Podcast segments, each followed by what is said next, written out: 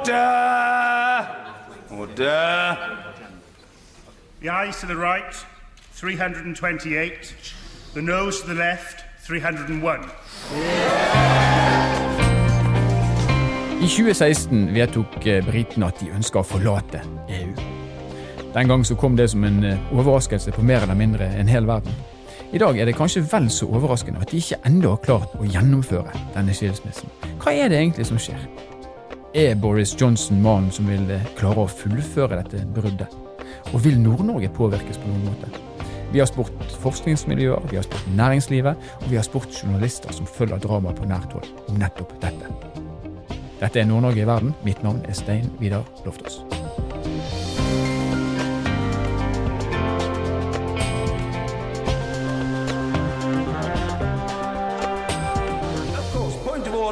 Prime Minister. Mr. Speaker, I think that. Thank you, Mr. Speaker. Let there be. Let there be no doubt. Tre år har altså gått siden britene erklærte sin tid som EU-medlemmer for over. Siden det så har statsministre kommet og gått. Samtlige av de har eh, gått i skytteltrafikk mellom Downing Street og Brussel. Men ennå er alt i uvisse. Blir det en hard brexit, altså forlater britene uten en avtale, eller blir det en myk brexit, der de forlater med en eller annen form for avtale, eller blir det en helt ny folkeavstemning? Og Tonje Iversen, du har fulgt brexit-dramaet tett helt ifra starten av. Men hvis vi skal ta et steg tilbake i tid, 2016, hva var det egentlig som utløste eh, dette her kravet eller ønsket om, om å gå ut av EU? Ja, det var jo daværende statsminister eh, David Cameron som eh, til slutt ga etter eh, for presset fra partikollegaer og holdt ei folkeavstemning om EU-medlemskapet i 2016. On Monday, I will commence the process set under our Referendum Act, and I will go to Parliament and propose that the British people decide our future in Europe. Det konservative partiet har i flere tiår vært delt i synet på EU, og det var eh, både press fra eget parti og fra det europaskeptiske partiet UKIP som førte til at det ble ei folkeavstemning hvor pro-EU-sida tapte, noe som førte til eh, David Cameron sin avgang. Eh, Det har vært ganske stille fra David Cameron etter hans avgang, og mye av skylda for eh, det brexit-kaoset man ser nå, får det konservative partiet for å ha vært altfor selvopptatt og på en måte ha skjøvet sine interne problemer over på eh, folket. Også æren eller skylda, alt ettersom hvordan side man står på, eh, får eh, eh, Nigel Farage, som nylig etablerte det nye Brexit Party, i sin frustrasjon over både UKIP og måten det konservative partiet har eh, håndtert eh, brexit. Var det, dette her noe som var spesielt for, eh, for bare Storbritannia, eller har man sett tilsvarende bevegelser også i andre EU-land? Man har jo snakka om frexit, om en fransk exit, og man har også snakka mye om at eh, Italia og andre EU-land kan følge i britene sine fotspor. Marie Le Pen, som stilte mot Emmanuel Macron i eh, presidentvalget i Frankrike i 2017, lova en folkeavstemning om EU-medlemskap dersom hun vant valget. Slik vet vi jo at det ikke ble. Eh, Pro-EU-mannen Emmanuel Macron vant, som en ivrig forsvarer av EU. Men hvis man ser på The Yellow West Movement i Frankrike, som riktignok er en stor eh, gruppe og har tilslutning fra både venstre- og høyresida, så er det mange der som er skeptiske til EU. Eh, Men Italia er kanskje det landet som har blitt eh, ansett som eh, mest sannsynlig kunne følge i britene sine fotspor. Men undersøkelser eller meningsmålinger skal visstnok vise at kaoset i Storbritannia har skremt en del fra å sette en exit, i hvert fall øverst på ønskelista si. Storbritannia, eller United Kingdom and Northern Ireland, som vel er det offisielle navnet på, på riket, det består av flere land enn England. Vi har eh, Wales, vi har Skottland, vi har Nord-Irland. Eh, hvordan er stemningen i de andre landene? For Man får jo kanskje inntrykk av at det er England først og fremst som ønsker å gå ut av unionen.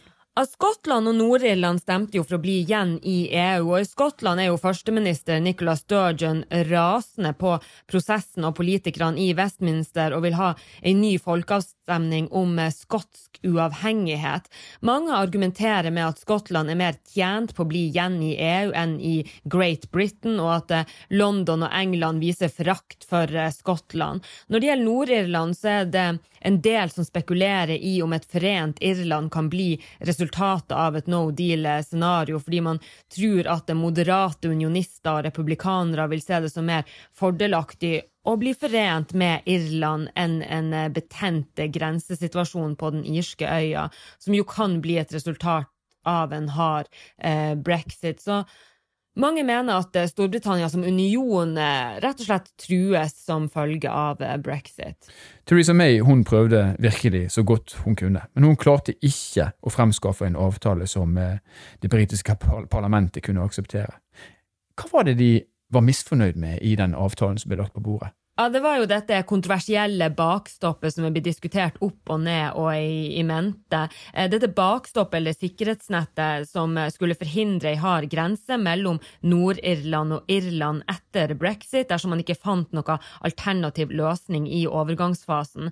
Eh, dette sikkerhetsnettet gikk ut på at Storbritannia ville bli en midlertidig tollunion med EU, mens Nord-Irland ville forbli i deler av det indre europeiske fellesmarkedet.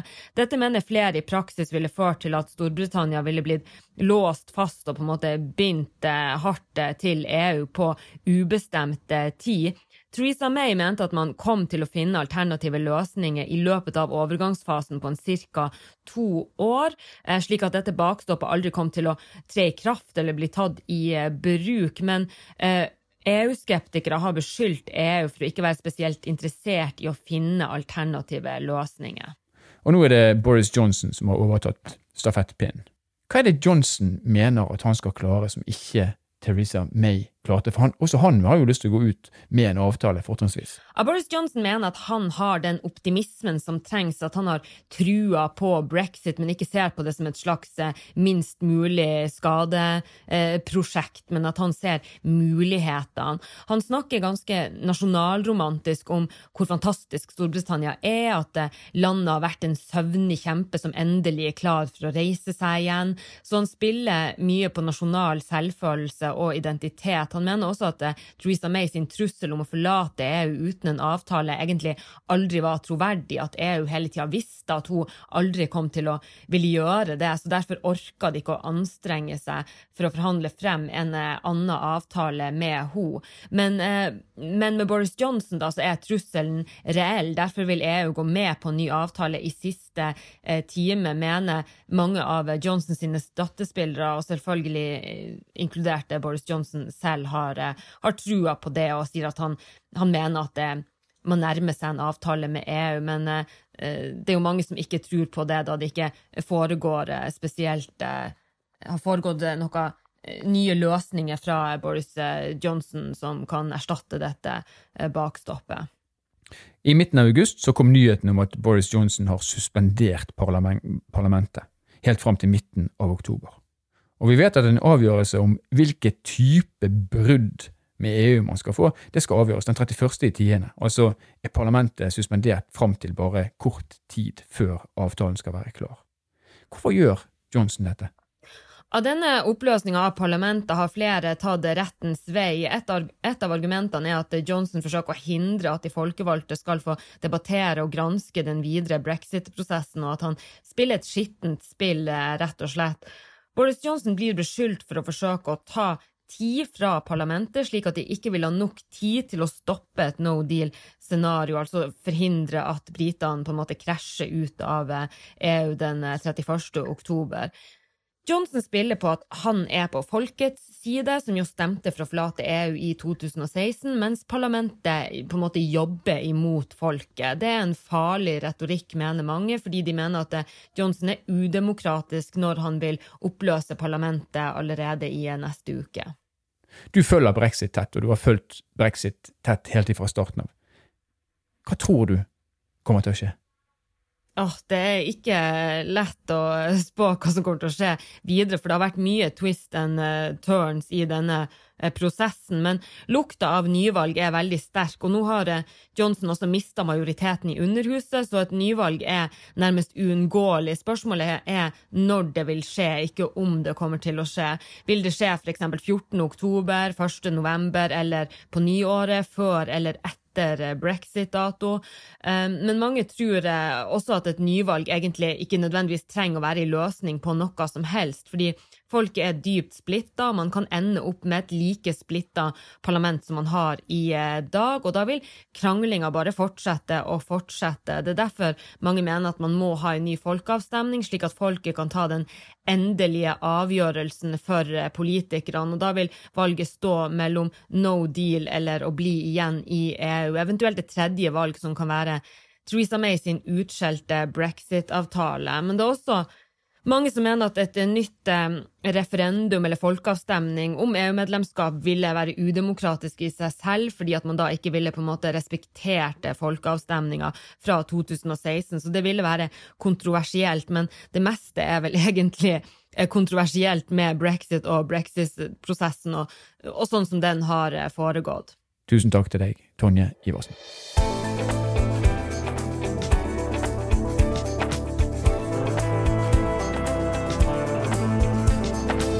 Nordnorske bedrifter er i liten grad bekymra for brexit. Og jeg måtte tenke litt på hvorfor er det sånn. Dette er konsernsjefen i Sparebank1 Nord-Norge, Petter Høiseth, under fremleggelsen av Forventningsbarometeret for Nord-Norge i Bodø i juni. Altså En grunn kan være at dette her har pågått over lang tid. Og hva skjer hvis man roper ulv, ulv, ulv lenge nok? Jo, man mister litt interessen. Jeg tror at det her er, det, det ordner seg. Det er en uakademisk tilnærming, men det, det kan være noe i det. Det andre er at bedriftene har tillit til at norske myndigheter er flinke til å inngå de bilaterale avtalene som er nødvendige. Og det tredje kan være, kanskje ikke helt akademisk heller, at det er jo ingen klare alternativer. Altså Blir det hard brexit eller soft brexit? Vi vet ikke. Hva skjer ved en hard brexit? Hva skjer ved en soft brexit? Vi vet ikke. Det er nok vi er bekymra for i forhold til brexit, det er nettopp det ukjente. Men nordnorske bedrifter i dag virker å være rolig i forhold til det. Vi er veldig spent på hva som skjer når vi kommer til oktober. Og Målfri Baik, du er regiondirektør for NHO Arktis, altså NHO Troms og Finnmark. Er nordnorske bedrifter litt naive når det gjelder brexit? Det vil ikke si naive, men eh, det, det er et stort paradoks eh, når eh, vi viser i en rapport i Vi og verden at eksportverdiene fra, fra nord er enorme. Eh, de utgjør totalt 26 milliarder. Og Storbritannia utgjør da 8% av dette markedet vi eksporterer til fra Nord-Norge. Så helt klart at en brexit, spesielt en hard brexit uten avtale med EU, vil ramme oss hardt. Men så tror jeg det er litt slik at uh, vi, vi, er vant til å stå han av. Altså, vi klarte oss godt eh, gjennom eh, oljekrisa i 2014-2015. Det, det, merket vi rett og slett ikke så mye til. Og I tillegg så er vi vant til at, eh, at spesielt den tradisjonelle fiskeriindustrien eh, svinger opp og ned. Eh, jeg husker i begynnelsen av 2000-tallet, da jeg jobbet i Finnmark, så blødde Finnmarkskysten. Men likevel så klarte vi oss. Så jeg tror kanskje det ligger en sånn iboende tro på at eh, ja, vi står han av. Det går opp og ned. Det er en del av eh, livssyklusen vår her i nord. Akkurat. Men dere, jo, dere har en rekke medlemsbedrifter i NHO i Nord-Norge. Eh, er det noe, altså, Snakker dere om, om dette? her? Er det, er det lurer bedriftene på noe? Nei, altså Det symptomatiske, sånn som eh, deres undersøkelse viser, det er jo at det er ingen eh, som har kontakta oss direkte med bekymringer om brexit her i Nord-Norge. Eh, og så på den andre siden så er det kanskje ikke så rart, for det er stor usikkerhet knyttet til hvilke konsekvenser brexit vil få totalt sett. Men også en usikkerhet hva vil det bety for min bedrift. Så, så jeg tror nok også håper å si, Og så har vi Kina og handelskrigen med USA. Slik at jeg tror bedriftene tenker litt at dette er utenfor vår kontroll. Og hva skal jeg egentlig kontakte regionkontoret for? Altså hva skal jeg få konkret hjelp til? Og når vi hører da eh, ekspertene sier at sannsynligheten for at Norge med en liten, åpen økonomi vil bli en av de som eh, vil være hardest rammet, så er det klart at dette bekymrer oss. Eh, dette er, det er veldig uoversiktlig hvilke konsekvenser dette vil få. Men at det vil involvere bedriftene, det vil det. Så hele tiden så bør nå allerede bedriftene sjekke på hvilken måte har de på eh, en eller annen måte tilknytning til Storbritannia i sin bedrift. Mm. Vil du si at medlemsbedriftene deres i Nord-Norge er forberedt? Vet du, Det er vanskelig å si. Vi har jo ikke noen undersøkelser som viser i hvilken grad de har forberedt seg. Men eh, hvis du ser det generelle bildet som tegner seg både i nord og ellers i landet, så virker det dessverre som om eh, veldig få bedrifter faktisk bekymrer seg i den grad at de forbereder seg konkret på en hard brexit. Lite forberedelser, lite bekymringer. Kanskje er det grunn til bekymring. Takk til deg, Målfri Bike, NHO Arktis.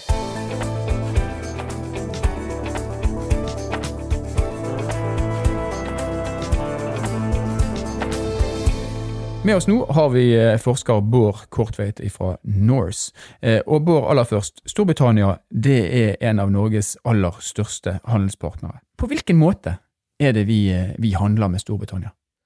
Ja, altså Nordnorsk næringsliv er jo veldig eksportretta og det preger også vår handel med Storbritannia. Ja, Norge eksporterer bl.a. store mengder eh, olje og gass til Storbritannia. I 2017 var det eksport for rundt 143 milliarder. Og mye av dette hentes fra nordnorsk sokkel. Så har man sjømat, hvor Storbritannia er vårt fjerde største eksportmarked. Og i, eh, ja, i 2018 så, eh, så eksporterte vi rundt 200 000 tonn sjømat til, til britene, og veldig mye av det kommer jo da ifra, også fra Nord-Norge. Og så har man eh, ja, nordnorsk reiseliv òg. Har, eh, òg en del besøkende fra Storbritannia. Eh, og Der vet vi f.eks. at rundt 7% av alle utenlandske overnattinger i Nord-Norge gjøres av britiske telereisende. Og Norge eksporterer altså, eller samhandler med, med Storbritannia til en verdi av mer enn 200 milliarder kroner hvert år. Mm. Og mye av dette kommer fra Nord-Norge. Hvis vi forutsetter at vi kommer til 31. oktober, og så blir det en hard brexit, altså en brexit uten avtale, hva vil det bety for Nord-Norge? Innenfor uh, olje- og gassektoren så sier de at det vil ha fint lite å si. Norge leverer vel rundt halvparten av naturgass som importeres til Storbritannia. Og landet vil fortsatt trenge uh, olje og gass etter brexit, uansett hvordan det går. Og de må hente en god del av det fra Norge. Så uh, innenfor olje- og gassnæringa tar de det her med ganske, med ganske stor ro. Innenfor reiseliv så er det ja, antagelig heller ikke sannsynlig at en hard brexit vil gå veldig utover besøkstall fra Storbritannia.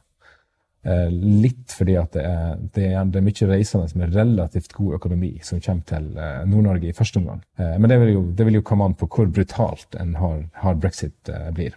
Men innenfor sjømatnæringa, der er det ved spenning.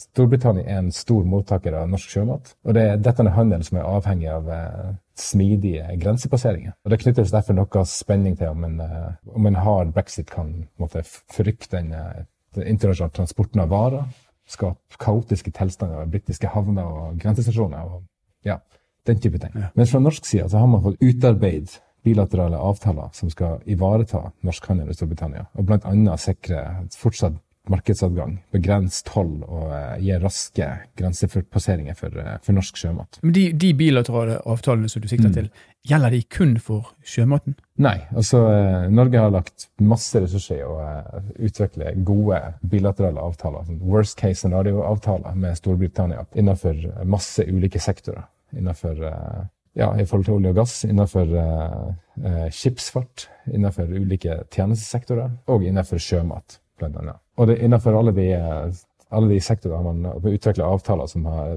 skal være designa for å eh, sikre best mulig kontinuitet og forutsigbarhet i handelsforbindelser ved en eventuell hard brexit.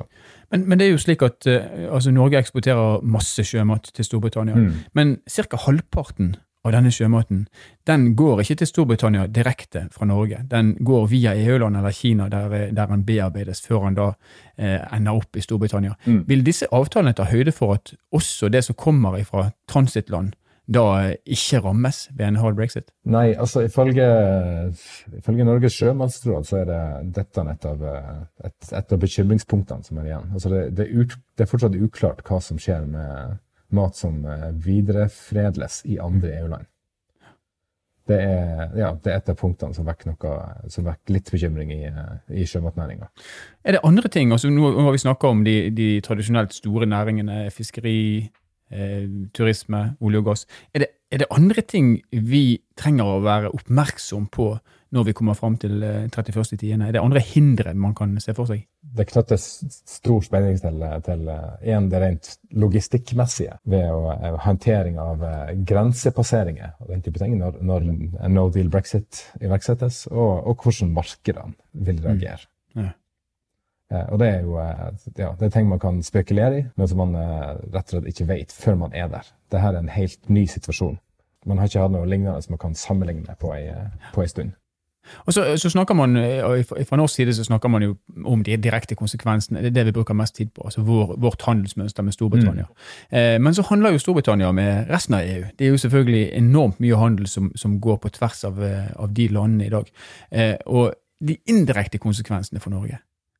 Er det noen som har, har, har forsøkt å vurdere hva, hva de kan komme til å bli? Noe som har vært eh, litt oppmerksomhet på, er, er dette at eh, Norge konkurrerer med Storbritannia på noen små felt overfor et europeisk marked. Laks fra Skottland er ansett som eh, ja, er veldig ettertraktet i Europa, men har, har vært solgt tollfritt til Europa, mens Storbritannia er en del av EU. Det vil jo bli en endring på. Det, det vil jo endre prisforhold i forhold til norsk laks på det ja. europeiske markedet. I utgangspunktet en fordel Norge? Ja, i utgangspunktet en, fordel, en liten fordel Norge. Du, du sier at uh, vi ikke regner med en, en, en, si, en, redusert tilstrømming av turister fra Storbritannia, fordi at de er stort sett ganske altså de er kjøpesterke. Uh, men hvis pundet svekker seg, mm. vil ikke det da bli uh, vanskeligere for disse å dra til Nord-Norge? Jo, altså Ved et, ved et svekka pund, et betydelig og varig svekka pund spesielt, så vil uh, utenlandsreising fra, fra, Storbritannia i det hele tatt svekkes. Det så man bl.a. under finanskrisen for 10-80 år siden. Da ble det svekka da, da, ble, da, ble, det mindre utenlandsreiser fra britiske turister. Og I så fall så vil man, må man kunne vente en del mindre turisme til Nord-Norge fra Storbritannia. Men sjøl eh, for reiselivsnæringa i Nord-Norge så er det en, del av det større bildet er at man de siste årene har hatt eh, betydelig økning av uh, tilreisende fra en del andre land. Det antar man fort vil fortsette litt, og det vil uansett utveie den svekkelsen av besøk fra Storbritannia. Det du spår egentlig, det er at faller britene fra, så er det andre som kommer til å steppe inn og ta plassen deres? Ja. Altså I det store bildet så vil ikke, så vil ikke nordnorsk reiseliv bli noe, bli noe særlig ramma. Og det, det, her er vel noe som man kanskje da kan fremskrive både når det gjelder olje og gass, og når det gjelder eh, fiskeri også. Altså Så lenge etterspørselen er økende, så er det for oss knekkende likegyldig om det er briter eller om det er andre som, som kjøper. Ja, altså både olje og gass og fisk sliter man ikke veldig med å bli kvitt. Eh, altså selv i utlandet. Eh, altså Definitivt ikke innenfor olje- og gassnæringa. Og, eh, og, de siste årene så har man også vært flinke å finne nye markeder for, eh, for norsk eh, sjømat. Det som bekymringene er, for der, innenfor, i forhold til sjømat, det er først og fremst det, sånn, de umiddelbare konsekvensene ved eventuelt krøll med grensen. Mm. det vil en, det vil være et midlertidig problem. Tusen takk til deg, Bård Kortveit, forsker ved Norse. Takk for meg.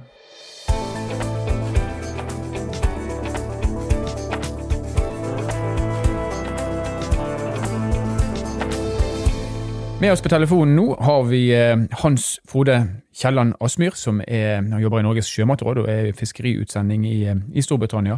Eh, og Hans Frode, 31. oktober, brexit av en eller annen valør. Hva konsekvenser vil det få for sjømatnæringen? Det er klart at dette er noe vi følger med spenning.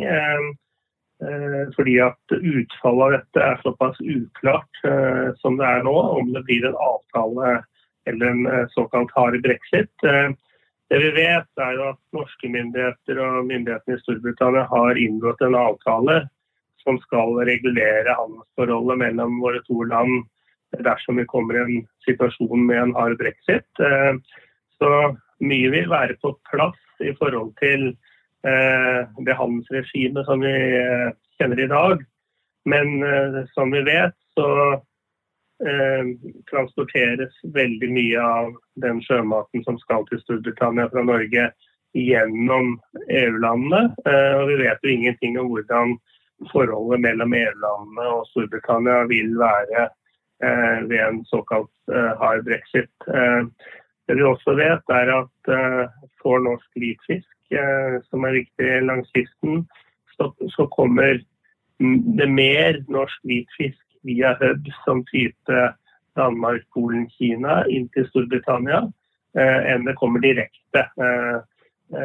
Slik, handel og industrien er lagt opp slik at man har lagt seg til et slikt handelsmønster. Så det er klart det er en del usikre faktorer hvordan, hva som vil skje med denne fisken. for å si det slik. Mm. Hvis vi ser på Storbritannia, som òg eh, er en sjømatnasjon. Eh, der produseres f.eks. Eh, oppdrettslaks i, i Skottland. Hvordan kan man forutse eller vil, Ser du for deg at det vil bli noen endringer i handelsmønsteret som en konsekvens f.eks. av en hard brexit? Det kan skje, eh, men det vet vi lite om. Eh, det vi vet, er jo at eh, Storbritannia eksporterer store deler av sin egen produksjon av sjømat. Så Storbritannia, og dette går i stor grad til europeiske land, sånn som Frankrike, Spania og Tyskland. Så det betyr at Storbritannia får sin egen eget fiskeri og sjømatindustri er veldig avhengig av god markedstilgang til europeiske land. For å gjøre et eksempel, så, så er det ca. 30 000 tonn mer norsk laks i, eh, som konsumeres i Storbritannia, enn det er eh, eh innlandskprodusert, altså skotsk eh, laks. Eh, så det viser jo også eh, at eh, britene er veldig avhengig av betydelig import for å få tilgang på god sjømat, men også at de har lagt seg opp til et, et handelsforhold med sine naboer i Europa som gjør at vi er helt avhengig av at de også kjøper sjømat fra, fra, fra, fra Storbritannia. Akkurat. Og så har vi jo, eh, vi har jo grenser mot Storbritannia også i havet, og der er, eh, vil jeg anta, kvotetildelinger og kvotefordelinger eh, som også reguleres av avtaler med, med, Norge og EU, Norge og Storbritannia. Kan man se for seg at man får en endring i den politikken i Storbritannia for å fortsatt være i stand til å, til å skape verdier, som nær sagt, i sjømatnæringen? Um det ligger utenfor mandatet i Norges sjømatråd å mene noe om, eh, om kvotefordeling. Eh, det får andre, f.eks. Nærings- og fiskeridepartementet, mene om. Eh, men det, det, som er klart, er jo at etter at Storbritannia har gått ut av EU, så vil Storbritannia bli en egen kyststat på lik linje med Norge, Island, Russland og EU. Tusen takk skal du ha, Hans Frode Asmyr, som er Norges sjømannsråds utsending i Storbritannia. Så får vi se da, om det blir en myk brexit, eller om det blir en hard brexit, eller om det blir rykk tilbake til start og ny folkeavstemning. Alt er nemlig fortsatt mulig. Det vi imidlertid kan slå fast, det er at vi trenger å være forberedt på 31. oktober. For sannsynligheten for at noe da kommer til å treffe nordnorsk næringsliv, er svært høy. Og beredskap er fornuftig og nødvendig. I denne episoden av Nord-Norge i verden har du møtt journalist Tonje Iversen. Du har møtt forskeren Bård Kortveit fra Norse. Du har møtt Norges fiskeriutsending til London, Frode Asmyr. Og du har møtt Målfri Boik, som er direktør for NHO Arktis. Nord-Norge i verden er produsert av Sparebank1 Nord-Norge i samarbeid med Helt Digital. Musikken du har hørt, er laget av Emil Karlsen. Mitt navn er Stein Vidar Loftaas, og vi høres i neste episode.